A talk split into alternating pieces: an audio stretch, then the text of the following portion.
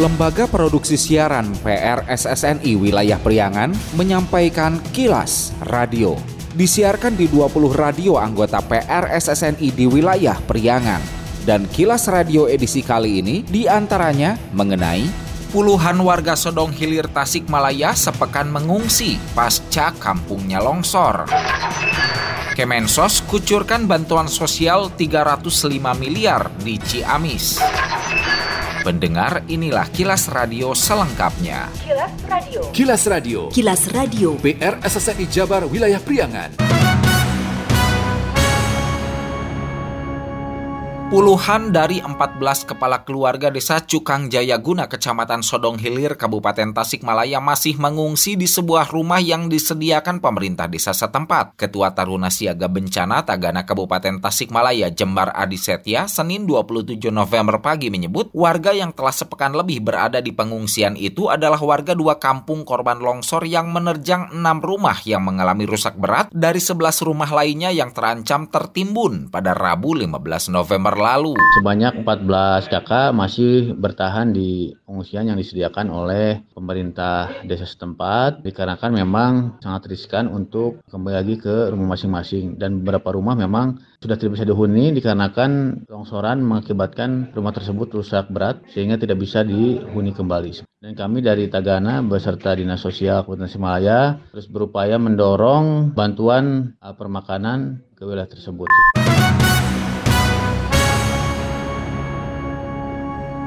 Kepala Pelaksana Badan Penanggulangan Bencana Daerah BPBD Kabupaten Tasikmalaya Nuraididin menjelaskan pihaknya telah memeriksa langsung lokasi bencana dan memberikan bantuan untuk keseharian para korban di pengungsian. Menurut Nuraididin, saat ini masih ada jalan desa yang terisolasi akibat terhalang tumpukan material longsoran tanah. BPBD Kabupaten Tasikmalaya telah berkoordinasi dengan Pusat Vulkanologi dan Mitigasi Bencana Daerah PVMBG mengecek ulang di lokasi bencana, utamanya untuk lokasi relokasi supaya kejadian bencana tak terulang kembali menimpa mereka. Ditambahkan, sepekan terakhir telah muncul laporan kejadian bencana di beberapa titik di tujuh kecamatan menyusul hujan dengan intensitas tinggi. Guna mengetahui mendalam terkait kondisi bencana di Kabupaten Tasikmalaya, berikut cuplikan pernyataan Nuraididin situasi sekarang hujan mulai turun walaupun dalam intensitas ada yang sudah hujan rendah tinggi ada beberapa daerah yang sangat kita antisipasi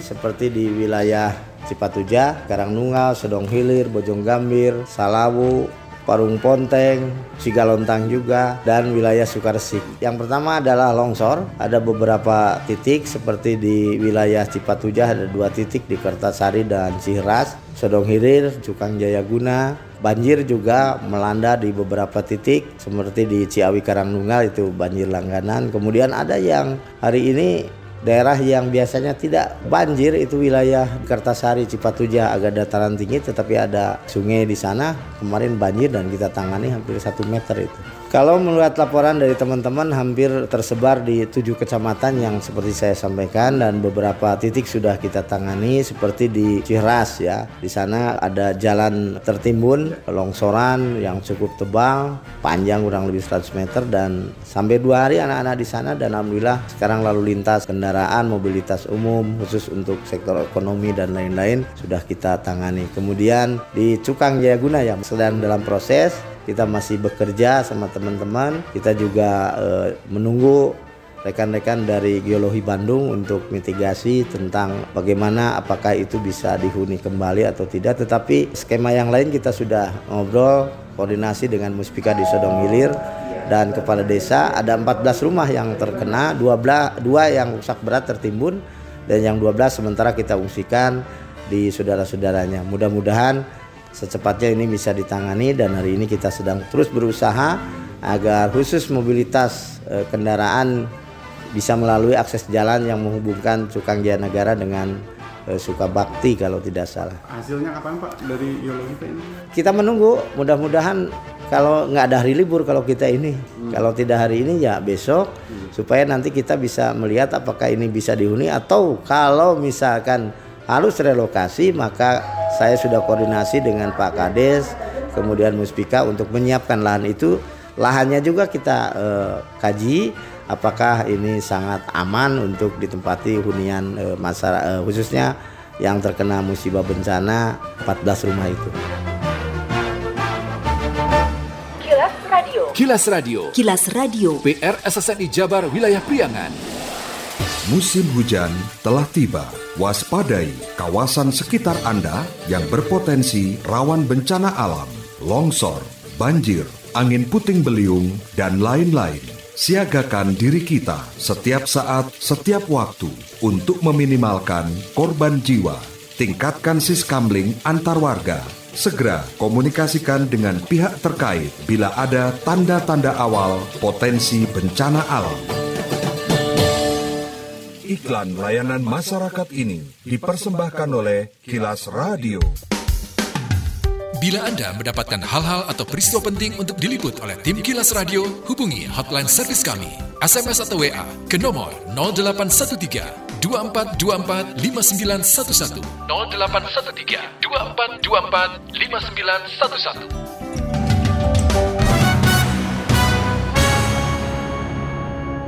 Bupati Rudi Gunawan menyampaikan pentingnya menyiapkan tenaga tagana yang profesional apalagi Kabupaten Garut dihadapkan pada berbagai potensi bencana. Keberadaan tagana diharapkan dapat menjadi garda terdepan dalam penanganan masalah kebencanaan. Bupati usai sampaikan arahan terhadap peserta pendidikan dan latihan dasar di Klatsar Taruna Siaga Bencana Tagana Kabupaten Garut di Perkemahan Ciberem Kecamatan Samarang Jumat 24 November mengatakan Kabupaten Garut memiliki ancaman potensi bencana yang lengkap dimulai dari gunung berapi, bencana hidrometeorologi, dan tsunami. Karenanya, ia menekankan pentingnya pengetahuan dalam mengatasi dan menyelesaikan persoalan yang dihadapi oleh mereka yang terdampak akibat bencana. Bencana di Garut sudah sering terjadi dan ini ancamannya adalah lengkap ya. Karena orang lain tidak punya gunung berapi, kita punya gunung berapi, orang lain tidak punya laut, kita pun juga punya laut dengan persiapan tsunami. Tentu selama ini kita berada di depan ya, dibantu dengan relawan,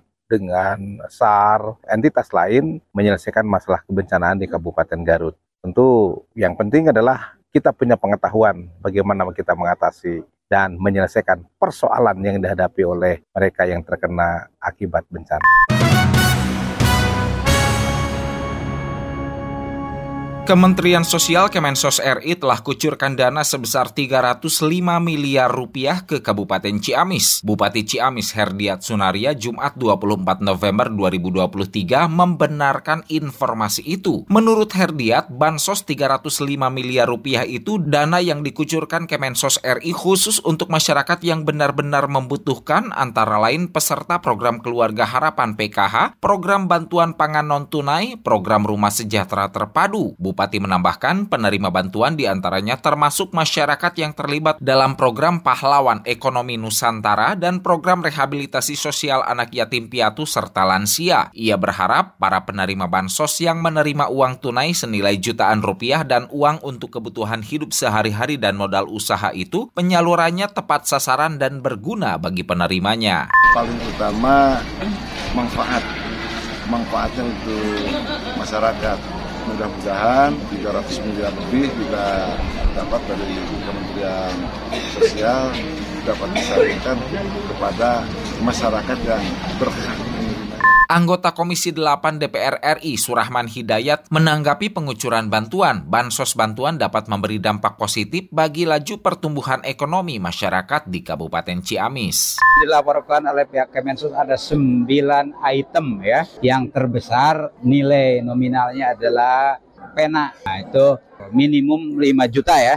Jadi targetnya adalah mereka bukan untuk mengkonsumsi bantuan tetapi untuk menjadikannya modal dan ini masih bergulir nanti dua pekan lagi ya ada paket-paket lagi program-program bantuan insya Allah. Kilas Radio. Kilas Radio. Kilas Radio. PR SSNI Jabar Wilayah Priangan. Naon si On? Nasi di jalan ada mah mun lobang mun eta gambar-gambar kotengan harapul we sepanjang jalan ya. Emang mana teu apal mun ayeuna teh geus mulai masuk musim pemilu. Kira-kira ya mana bakal milih saha On? Ah, orang mah jaga rek golput atuh. Soalnya bingung rek milih saha bimbang hate. Ye, mana mah kumaha sih lamun bingung teh ulah golput On. Ayeuna namanya radio teh geus jadi sumber informasi yang pemilu anu kredibel On. Hah? Ya gitu. Saat ini, radio menjadi sumber informasi pemilu yang kredibel. Radio juga menjadi tempat kampanye dan diskusi politik yang baik dan juga netral. Jadikan radio sebagai sumber informasi pemilu yang terpercaya. Pilih dengan hati, verifikasi dengan fakta. Ayo dengarkan radio. Radio, satu suara berjuta telinga. Iklan layanan masyarakat ini dipersembahkan oleh PRSSNI Jawa Barat.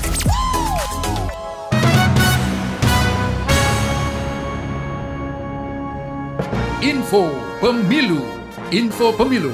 Persembahan PRSSNI Jawa Barat Badan Pengawas Pemilu Bawaslu Kota Banjar melarang aparatur sipil negara ASN like, komen, dan men-share postingan peserta pemilu di media sosial medsos. Penegasan disampaikan Komisioner Bawaslu Kota Banjar, Solehan. Menurut Solehan, jika ada ASN yang kedapatan like, komen, dan men-share postingan calon dan pasangan calon partai politik peserta pemilu di medsos akan dikenai sanksi tegas. Karenanya, ASN harus bersikap netral. Ya, ada yang uh, ajakan-ajakan seperti seperti ajakan untuk memilih salah satu uh, pasangan calon juga lain-lain lah itu pasti yang terutama itu.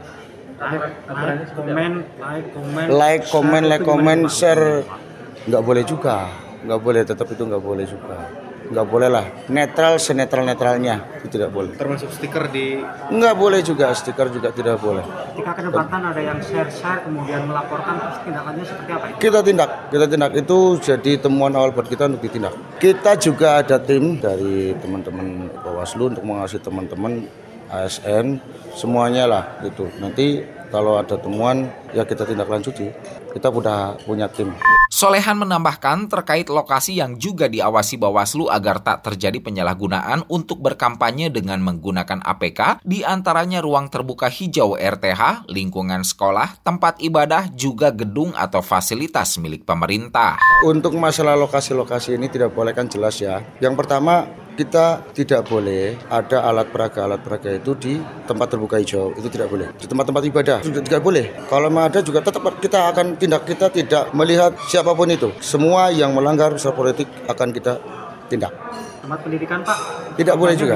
tidak boleh. Itu termasuk gedung-gedung pemerintah ya. Terkecuali memang sifatnya ada isinya. Kilas Radio. Kilas Radio. Kilas Radio. PR SSNI Jabar Wilayah Priangan. Sekian Kilas Radio. Saya Dido Nurdani beserta tim Kilas Radio Priangan. Salam PRSSNI. Kilas, Kilas. Radio.